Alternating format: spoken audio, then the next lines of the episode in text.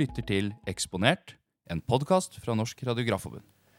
Hei, jeg heter Håkon Hjemli, og jeg er fagsjef i Norsk Radiografforbund. Og i dagens episode av Eksponert så skal vi snakke om medisinsk bruk av stråling, nærmere bestemt om strålevern.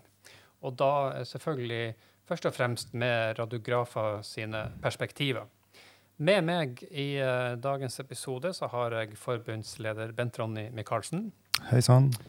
Og så har vi med oss Ørjan Kjærstad, som er radiograf og jobber som seniorrådgiver på Høgskolen i Vestlandet. Hei sann. Uh, vi, uh, vi, skal, gi deg muligheten til å si hva du uh, har slags bakgrunn og erfaring med strålevern, Ørjan. Men jeg tenkte vi kan jo begynne med med oss faste gjester her først. Når det gjelder meg sjøl, så har jeg jo bakgrunn som radiograf. Og, og med det bakgrunn i praktisk bruk av medisinsk stråling og dermed også strålevern. Men jeg har også vært strålevernsansvarlig på et par sykehus og har videreutdanning i strålevern. men du Bent Ronny, du har jo jobba mest med MR. Du kan vel ikke noe om strålevern? Kan en del om strålevern. Jeg er også radiograf i bunnen, vet du. ja. Eh, men det er sant, jeg har jobba mest med MR. Og 15-16 år av de par og 20 årene jeg jobba som radiograf. Da. Men det er klart at MR er jo også stråling. Det tenker ikke folk på. Det tilhører det elektromagnetiske spekteret. Men det er ikke ioniserende stråling. Så det har ikke potensial til å skade cellene og DNA. Da. Det er forskjellen. da. Ja, vi har jo mm. laga en episode tidligere også akkurat uh, om dette med MR og farepotensialet med bruk av MR, så, så det, det, skal vi ikke kimse av. Uh, men Ørjan, uh, du har også bred bakgrunn når det gjelder strålevern. Stemmer ikke det? Ja. Jo, det stemmer. Jeg har jobbet i over 20 år i spesialisthelsetjenesten som radiograf, og så har jeg i samme periode også vært eh, såkalt strålevernsansvarlig, eller strålevernskoordinator som det heter nå, i over 20 år. Eh, og så har jeg vært eh, tilknyttet radiografutdanning ved Høgskolen på Vestlandet også i, ja, siden 2015, sånn av og på. Så jeg har også videreutdanning i strålevern, som, samme som Håkon. Mm. Og så er jeg også fagagent for strålevernskursene til Norsk Radiografforbund. Så har jeg ja. Jobber fortsatt mye med strålevern. Her er det bredde, det hører man. Fagagent for Radiografforbundet, hva er det, Bent Rani? Fagagent for Radiografforbundet det er de som uh, hankes inn for å bistå uh, uh, utarbeidelsen av våre kurs. vi har en stor kursportefølje, og vi forsøker vel stort sett årlig å ha en, et strålevernskurs da, som også vel sam samkjøres i tid med det som gjøres i DSA og de årlige møtene de gjør der. Altså Direktoratet for atomsikkerhet og strålevernsberedskap, er det vel det heter. Eh, så der er Ørjan med. Ja. Bra. Ja. Vi skal snakke litt om det kurset etter hvert, tenkte jeg. Eh, det er jo naturlig når vi har med selve kursagenten her også. Men, eh, men først, dette med stråling og medisinsk bruk av stråling, det er jo noe som fort får oppmerksomhet i befolkninga. Fordi man vet kanskje litt lite om det, og, og, man kan fort bli redd når det er snakk om stråling. Er det, en, er det en beskrivelse du kjenner igjen, Ørjan? Ja, det er for så vidt det. Er så vidt det. det er kanskje mer, i, i, altså, kanskje mer blant den vanlige befolkningen og i media at man, det oppleves mer redsel rundt stråling. Da, fordi at vi som jobber med stråling, uh, vet jo at det er en del av arbeidsredskapet uh, vårt. Og en viktig, viktig del av det vi gjør. Sånn at eh, egentlig så er det Når vi snakker om strålevern, så, så er det jo en, var det en, en nestor i Stråleverns-Norge som en fysiker som heter Rune Hafslund, som i sin tid sa at nei, vi driver ikke med strålevern, vi driver med strålebruk. Og jeg husker jeg reagerte litt på det i mine tidlige strålevernsdager. men jeg, etter hvert skjønte jeg hva han mente med det, da, for det er jo egentlig det vi gjør. Vi driver jo med strålebruk. Vi driver jo egentlig ikke med strålevern, selv om det er en del av bruken. sånn sett. Mm. Så det, det, går igjen. Men uh, vi som driver med det til daglig, altså radiografstanden, er nok blant de som kan dette best, og er relativt trygg på dette. Sånn som jeg opplever det. Ja, jeg er enig i det perspektivet. der uh, man skal snakke om, man snakker om strålevern, men det innebærer jo at man bruker strålingene riktig.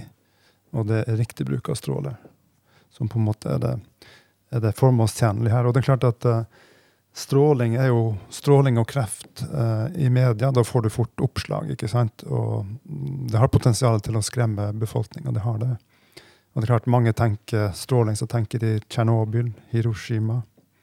De tenker atomvåpen. ikke sant? Man, man blander alltid en stor eh, gryte her, og så og så får det betydning om hvordan man tenker om stråling generelt. Men det er klart at det er viden forskjell av den dosen vi bruker til uh, medisinske formål, som CT og, og røntgen. Og, og, de dosene som er, som er aktuelle ved, ved, ulike ulykker ved, ved, atomkraftverk. Det er klart det er midt forskjellige ting. Da. Så jeg tenker litt av, uh, litt av jobben for også radiografer er å på en måte sette ting inn i litt perspektiv på hva som er hva og hvilke doser man faktisk snakker om her.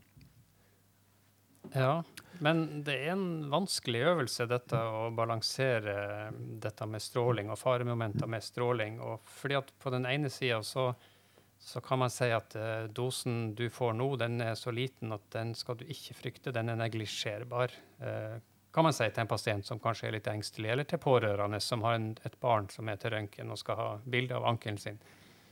Uh, men samtidig så ser man av og til i media overskrifter som kan tyde på at stråling slettes ikke er ufarlig og kan gi kreft, som du sier. Og for den som bare leser en eh, artikkel med litt store overskrifter i avisa, så, så er det jo fort gjort å, å, begynne å bli i tvil, i hvert fall, og kanskje også bli skremt.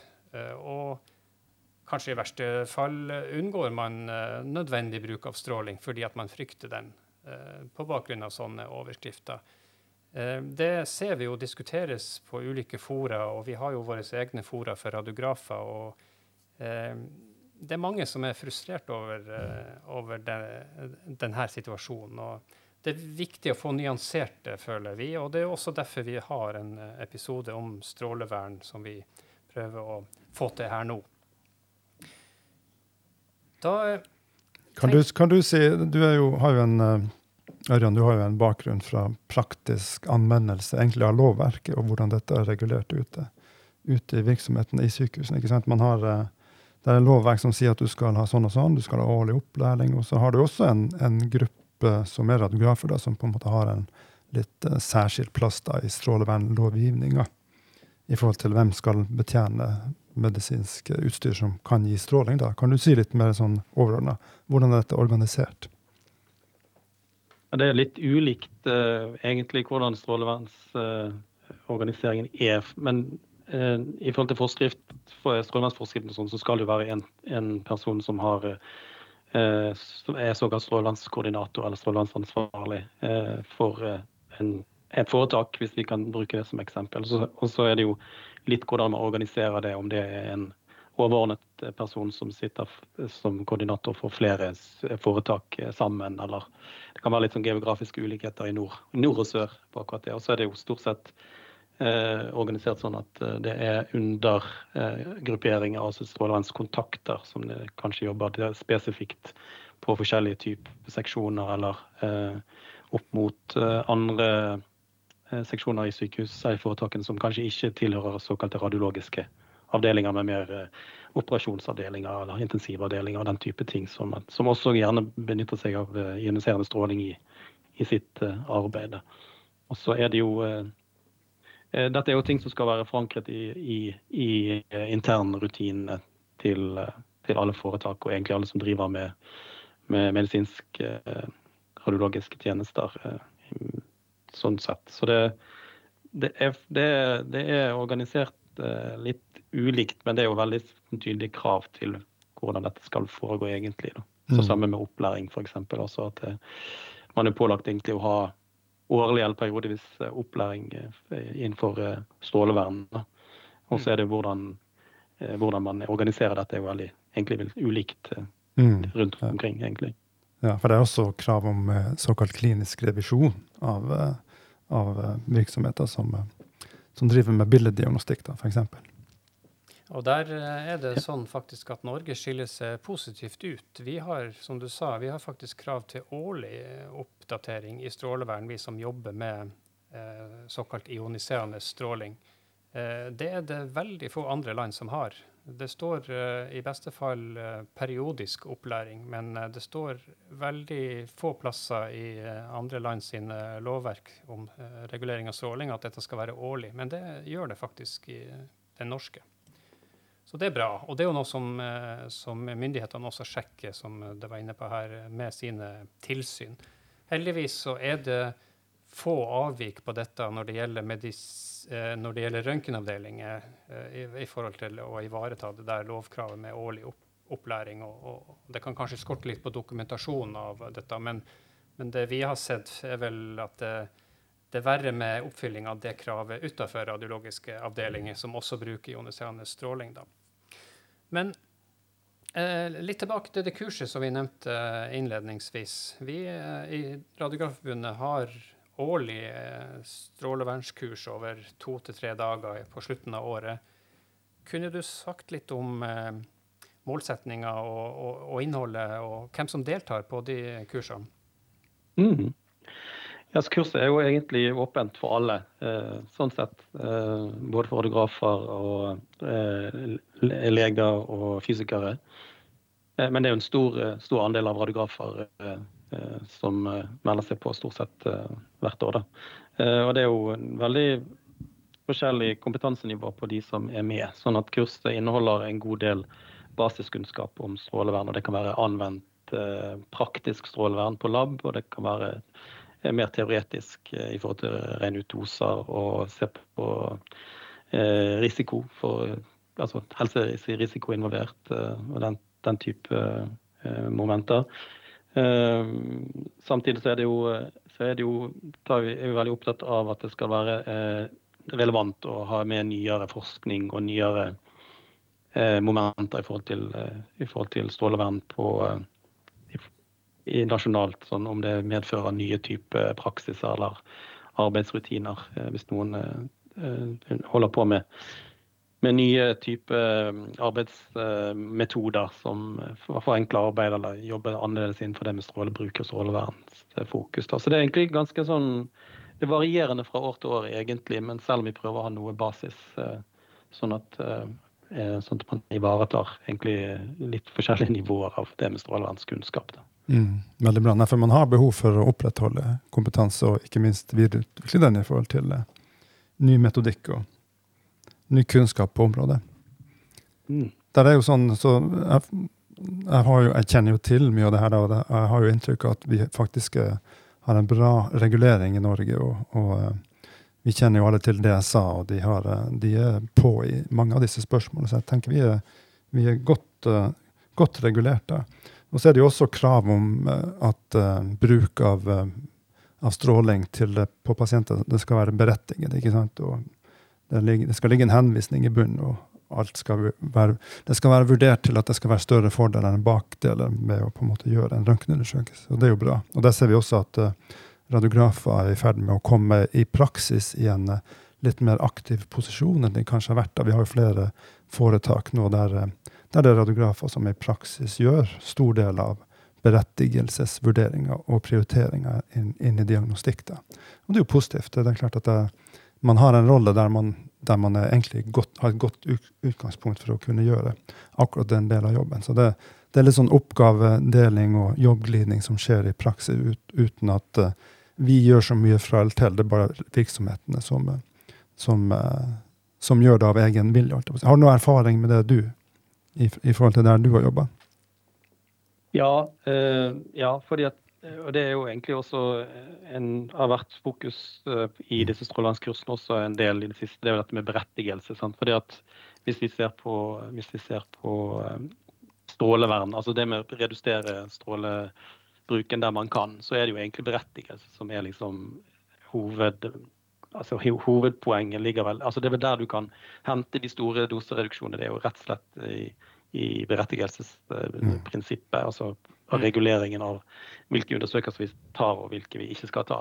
Mm. Eh, så, så, vi kan se på, man kan se på selvfølgelig på strålevern i forbindelse med altså på lab, altså hvordan man optimaliserer eh, protokoller og hvordan radiografer jobber og sånt. Men eh, de store dosene er nok og kan reguleres større grad i berettigelsesdiskusjonen, mm. tror jeg. Altså ved å sikre at en en undersøkelse eh, som tas, har noen funksjon. Mm. Eller om man skal gjøres på en annen modalitet som ikke har ioniserende stråling, f.eks. Eller om man ikke skal gjøres i det hele tatt. Mm.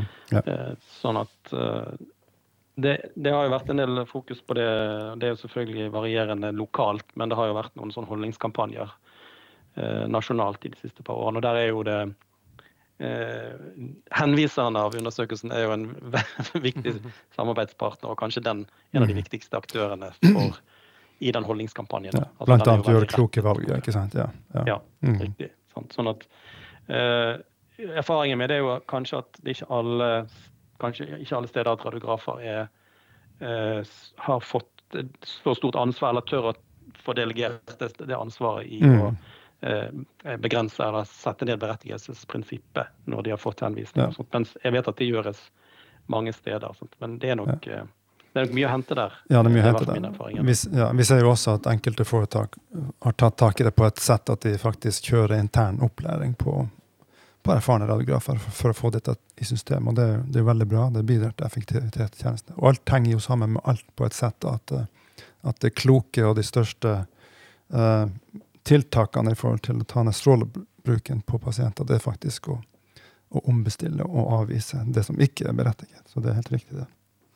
Det er jo sånn at uh, en, Et viktig element i at noe skal være berettiget, er jo at det som gjøres, er optimalisert. Uh, man skal jo allerede ha gjort en vurdering av at mm. nytteverdien i det som skal gjøres av medisinsk strålebruk, skal overveie faremomentene. Og så er det jo sånn at for at det skal være oppfylt, så skal eh, bruken av eh, modalitetene og utstyret være optimalisert. sånn at kommer du til en røntgenundersøkelse, så, så, skal du i utgangspunktet ikke få mer stråling enn det du, det du eh, strengt tatt hadde trengt å få for mm. å få en optimal undersøkelse i forhold til problemstillinga som, som, skal utredes. Men så kan det også være faktisk at uh, du må tenke slik at den pasienten må faktisk få nok stråling for å få For stråling også uh, direkte forbundet med kvalitet i undersøkelsen. ikke sant?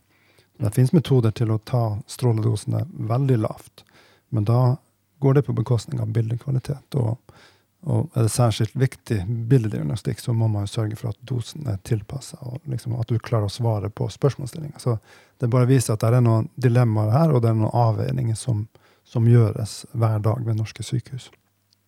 Mm. Og så er det jo et eh, for så vidt eh, et økonomisk spørsmål inn i, det, i den berettigelsesdiskusjonen også, som er, kanskje lettere å selge inn når du skal eh, ha det opp i systemene i foretakene for, for, å sette inn tiltak. Eh, sant? Fordi at, altså, det, var, det var vel henvist til noen internasjonale studier som viser at mellom 20 og 50 av radiologiske undersøkelser ikke gir noen endring i behandling eller oppfølging, mm. eh, som er ganske høye tall. Så kan du, du kan ikke si at nødvendigvis ikke alle var berettiget. Men man har noen undersøkelser fra Sverige som jeg vet at eh, DSA liker å trekke frem, der man, man opererer med eh, ja, 30 eh, av radiologiske undersøkelser med ioniserende stråling er uberettiget. Ja.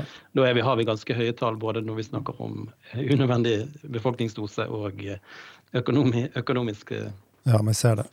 Problemet, sånn som jeg ser med de, at de stort sett uh, Eh, vurdert i ettertid, retrospektivt. Eh, mm.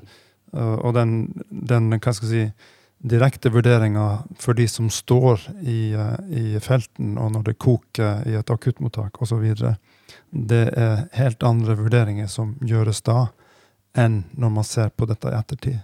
Sånn. Og det jo, og det er også ofte ikke-klinisk personell som ser på ting i ettertid. Så altså det det er noen dilemmaer her. og det et eksempel er jo, som vi snakka litt om innledningsvis, er jo den der eh, CT-undersøkelsen på barn, stor undersøkelse som ble presentert før jul. da. Uh, skal vi si noe om den? da? Det er jo, det er jo også en, en, sak som på en måte ble litt dramatisk slått opp. da. Uh, men der kanskje ja. realiteten er at det er ikke så mye nytt i forhold til det vi visste fra før av. Nei, Det som var konklusjonen i en stor europeisk studie her, da, som hadde sett på eller de hadde fulgt opp eh, personer som hadde blitt bestrålt på CT som barn, eh, og også registrert hvor mye stråledose de hadde fått, altså ut ifra hvor mange undersøkelser de hadde vært i osv. Innenfor, innenfor et tidsrom. Eh, at eh, av 10 000 barn som man da hadde klart å følge opp, så var det sånn at eh, det var én til to barn som man mente kunne ha fått en kreft senere i livet pga. den stråledosen de fikk som barn til én eller flere CT-undersøkelser.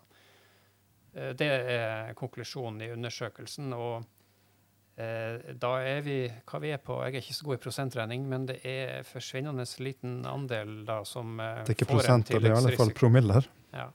ja. 0,02 prosent hvis du ja. legger godviljen til. Men, men, men, det er jo en av mange sånne um, eksempler på at um, man vet ikke helt. Uh, og derfor har vi et føre-var-prinsipp, uh, selvfølgelig. Det er derfor vi gjør praktisk strålevern og har opplæring om det, og at vi kanskje også har uh, en profesjon som heter radiograf. Men, men det er, det er, en vanskelig øvelse å si noe nøyaktig om faremomentene med medisinsk stråling. Og, og, så er det jo også sånn at i andre sammenheng så bruker vi jo medisinsk stråling for å nettopp drepe kreftceller. Da er det jo snakk om ganske så mange ganger mer dose.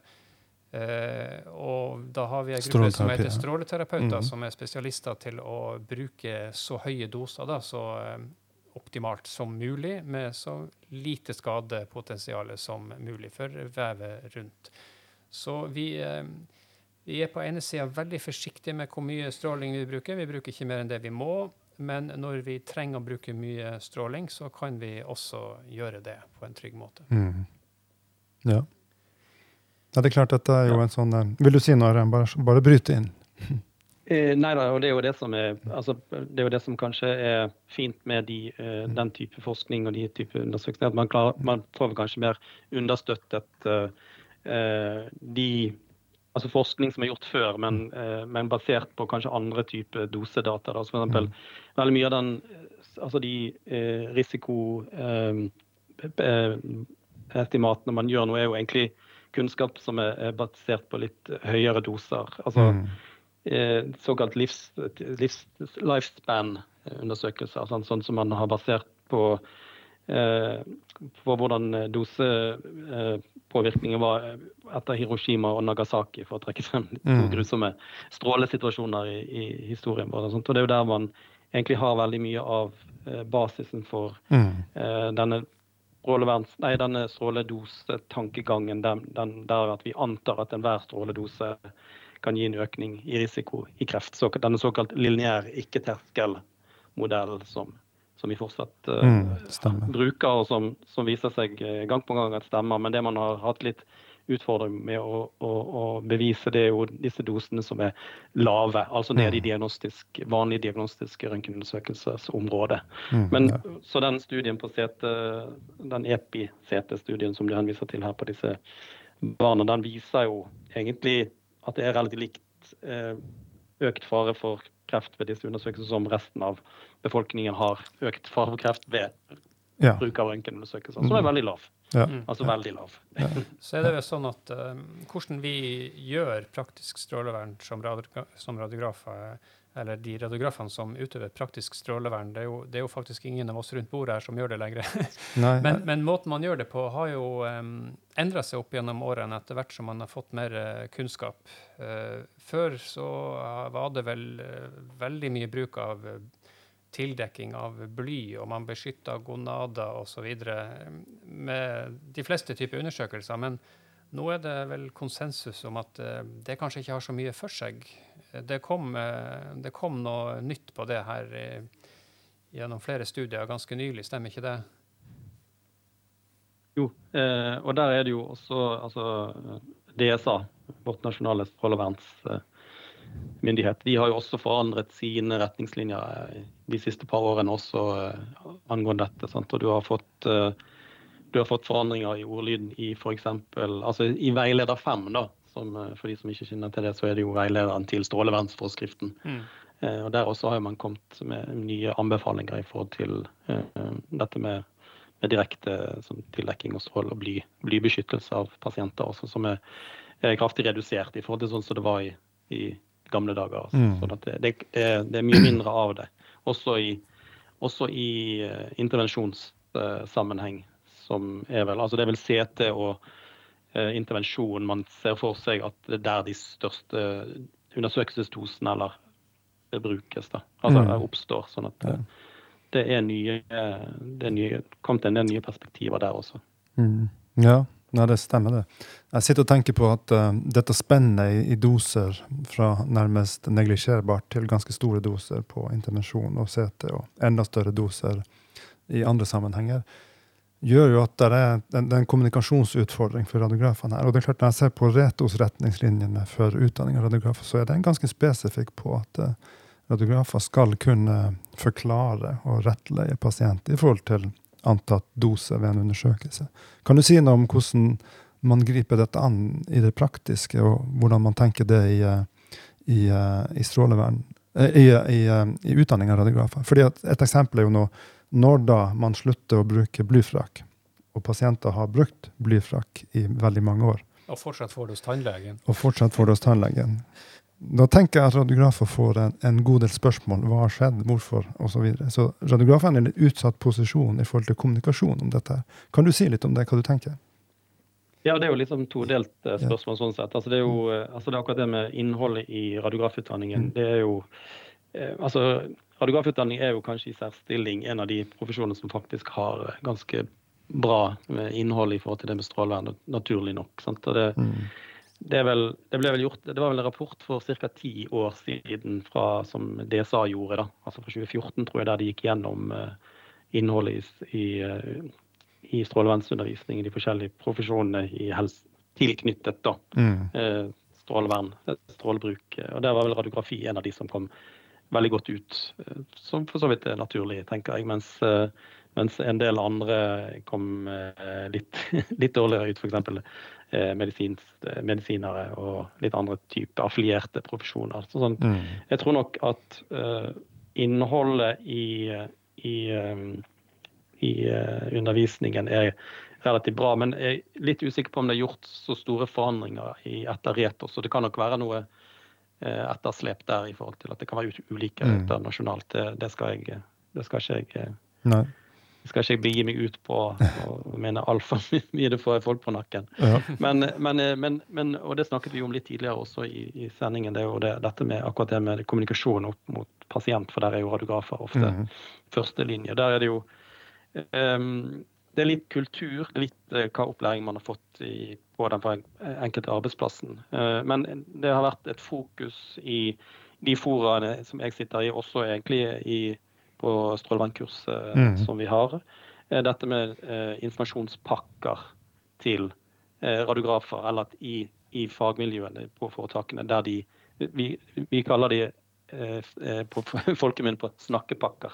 Mm. Sånn at man har en, en, informasjonsberedskap i forhold til i forhold til de spørsmål som kommer, at man prøver å være konsekvent i hvilken informasjon som gis. og det er Eh, sånn at, og det, det, tenker jeg liksom det er viktig eh, regionalt, i hvert fall, og for så vidt nasjonalt, at man er litt enigheter om hva som sies. Sånn at du, Et gode eksempel er jo, som, som, du nevnte, det med tannlege. Men det er jo ofte at uh, barnerøntgensituasjoner, at der er det i mye større grad lydtildekking som egentlig er unødvendig og kanskje mot sin hensikt. Sånn at hvis man gjør det veldig ulikt, så vil man få Eh, komme i situasjoner der man må forklare hvorfor det ble praktisert eh, mm. på forrige undersøkelse og ikke på andre undersøkelser. Så det gjelder egentlig å være litt sånn konsekvent og bli liksom litt enighet om eh, hva man skal formidle av dette. Og så er det jo det, men skal man man må se publikummet sitt litt an òg. Altså, man, man, trenger ikke å si for mye, men man må si de viktige tingene. Og det, det, du sier sist, er jo at det, det forsterker behovet for at du faktisk er oppdatert og trenger et kurs i ny og ne for å på en måte oppdatere deg på det nyeste. For å kunne mm. forsvare det ut til et publikum. ikke sant? Jeg husker når jeg eh, gikk på radiografutdanninga, så, så, ble vi lært opp til å kunne forklare dette med stråledoser på en enkel måte til pasienter og pårørende. Og, og da var det oppfordra til å, å, sammenligne det med naturlig bakgrunnsstråling. Eh, nå har jo ikke befolkninga kanskje så mye mer kunnskap om naturlig bakgrunnsstråling, egentlig, men, men det å sette ting i, i sånn relativt forhold til hverandre jeg, klarer jo alle. Og det å fortelle at ja, denne røntgen-thorax-undersøkelsen den gir deg bare stråling sammenligna med en flytur til USA f.eks., eller ei uke naturlig bakgrunnsstråling som du ville ha fått uansett, så kanskje det kan ha en beroligende effekt, selv om kanskje noen da blir livredd for å fly isteden. Men, men uh, så kan du jo si at uh, uh, en sete, der er vi på kanskje 100 ganger samme dosen eller mer. Det, det, kanskje man ikke skal si hvis man skal forklare stråledosen til en røntgen thorax, da, for da blir man jo kanskje livredd på, til å ta en CT. Men, men sånne, sånne, ting ble i hvert fall jeg lært opp til å bruke hvis man trengte det for å forklare eller for å berolige folk eh, i forhold til dette med stråledose. Og så fikk vi jo ofte også spørsmål om hvorfor får ikke jeg blyfrakk hvis du har blyfrakk eh, fra pasient eller pårørende. Men da er det jo greit å si det at vi som radiografer har jo også et ansvar for å ivareta oss sjøl.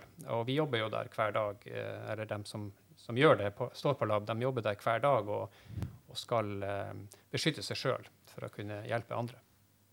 Det er, vel, det er, vel, fortsatt sånn at det er sånn man lærer på utdanninga, dette med å forklare stråledoser, er det ikke det?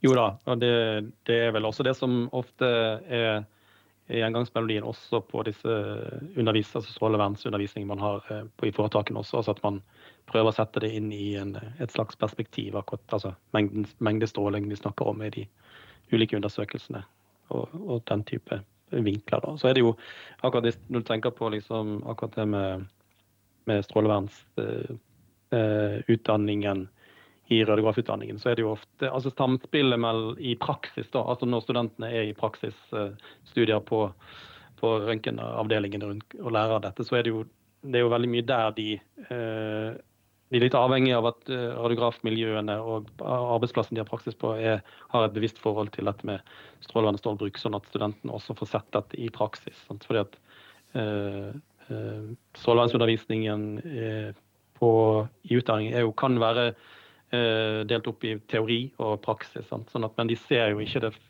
i bruk før man kanskje er i praksis ute på, i feltet. Så, så, det er også en dimensjon, tenker jeg, at det er viktig at de, altså de som er veiledere og de eh, røntgenlabene som har studenter i praksis, også er bevisst på sin rolle i det med utdanningen av altså opplæringen innenfor strålevern eh, når studentene er, er ute. Sant? Og Det teoretiske aspektet er jo kanskje det som eh, hvis jeg skal synse noe om eh, akkurat strålevernsutdanningen eller i, i, utdanningen, er jo kanskje at noe av det er litt komplisert. altså Strålefysikk i seg selv, som er en del av radiografyrket, men også en del av det med, med biologiske effekter og den type ting, er jo ganske komplisert. og Det er vel der man har sett opp igjennom at det kan være litt utfordrende for en del studenter å, å ta det helt inn. da, altså alle de det står det fysikken, da, hvis jeg skal forenkle det litt. Mm. Mm. Mens det praktiske kanskje litt enklere å skjønne, da, når man ja. ser det for seg. Og så er det jo sånn at det er jo en tverrfaglighet rundt disse spørsmål, spørsmålene også, ikke sant, i forhold til strålevern og strålebruk. Og dersom det skulle være en situasjon der en pasient har fått for mye stråling, eller kanskje man uh, uoppmerksom har måttet gitt stråling til en som er gravid, så gjør man jo beregninger i ettertid sant, i forhold til hvilken stråle, strålingdose, stråledose faktisk pasienten har fått, og, og gjør noen beregninger i, i, forhold til om det er, vil være skadelig eller ikke. Og så er det jo sånn at uh, eh, f.eks. For, for å skade et foster, så må du ha ganske, ganske så store doser. Så også der er man stort sett under, under, langt under doser som er farlig. Ja, det, det stemmer. Jeg har, jeg har sjøl vært innom strålevern en periode i løpet av yrkeskarrieren min. Og um, i hvert fall den gangen så var det sagt at man enda ikke hadde gjort noen beregninger som eh, konkluderte med at man f.eks. anbefalte noe abort fordi at man hadde fått stråling til fosteret på ganske strålebelastende undersøkelser faktisk mm. også. Så, men man gjorde de beregningene for å være på den sikre sida. Ja. Bra. Eh, en ting til før vi går inn for landing. Det er jo noe som heter eh, dosegrenser og diagnostiske referansedoser osv. Det, det er jo et verktøy som brukes i praksis, eh, men det brukes vel ikke som en grense i seg sjøl. Hva, hva, hva, er dette for noe, Ørjan? Nei, det er jo et uh, altså det er jo, du, har jo, du har jo såkalt nasjonale referanseverdier for en del uh, CT-undersøkelser og eh, røntgenundersøkelser og noen eh, angiointervensjonsundersøkelser. Sant? Utfordringen med akkurat angiointervensjonsundersøkelser er jo, når det gjelder referanseverdier, er jo at det gjerne er ikke en diagnostisk undersøkelse. det er jo en, Der bruker man stråling som en. Til, som er terapeut, eller i hvert fall som en, en, en del av undersøkelse, eller inngrep. da, sånn at eh, men man har implementert det en del. Sant? Og Der er det jo mer sånn at man, eh, Statens strålevern eh, ber foretakene samle inn eh, doseverdier for gitte vanlige undersøkelser både på røntgen og CT og en del angiointervensjon. Og så samler man disse, og så setter man en, en verdi som eh, skal representere et, eh, et, en nasjonal Ikke et gjennomsnitt, det er vel 5, 75 prosentil som brukes. Eh, eh, altså ca. hvor 75% av undersøkelsen, f.eks. en røntgentoraks, hvilket dosenivå ligger det på. Eh, så setter man det som en nasjonal referanseverdi. Og da har man jo det som i, eh, eh mer en referanse i, mm. i, ordets uh, natur. Det ligger jo der. Sant? At det er mer en referanse, og det er ikke en grense. Men man, mange ønsker jo å legge seg på, på, et nivå der man er under, på eller under uh, disse referanseverdiene. Da. Så må jo det selvfølgelig være diagnostisk gode nok undersøkelser for at man skal kunne bruke det som et, et godt redskap, hvis ja. man forholder seg til de. Hvis det var det du mente. Ja, det var det jeg eh, ville frem til. Dette er jo et redskap som, som, man bruker for å sammenligne seg med anbefalinger, for å sikre at man eh, ligger på et eh, bra nivå i forhold til eh, dose på ulike modaliteter. Ja.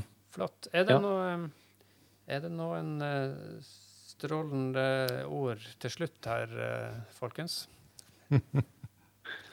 ja, det var det, da.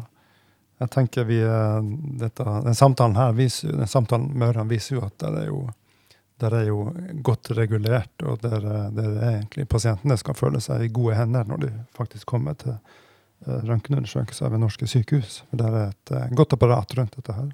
Mm. Vel regulert i lovgivning og spesialkompetanse på plass. Så what's not to like? Ikke sant. Ja, og så er det jo uh kanskje greit å si i lys av uh, medieoppslag at uh, det er ingen som tar noe flere bilder enn det man må, eller bruker noe mer stråledose enn det som er nødvendig. Mm.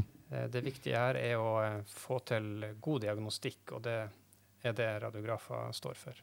Ja, og så er billeddiagnostikk blitt veldig, veldig mer sentral i sykehusbehandling. Og det ser vi jo, at bruken går jo opp. og ja, man er helt avhengig av avansert bildediagnostikk. og Det innebærer en del stråling, men det, i hovedsak så er det ikke farlig. Da eh, ønsker jeg å si tusen takk, Ørjan, for at du eh, kunne være med på denne episoden. Bare hyggelig. Takk til Ørjan. Og takk for oss. Så høres vi igjen i en eh, senere episode av Eksponert.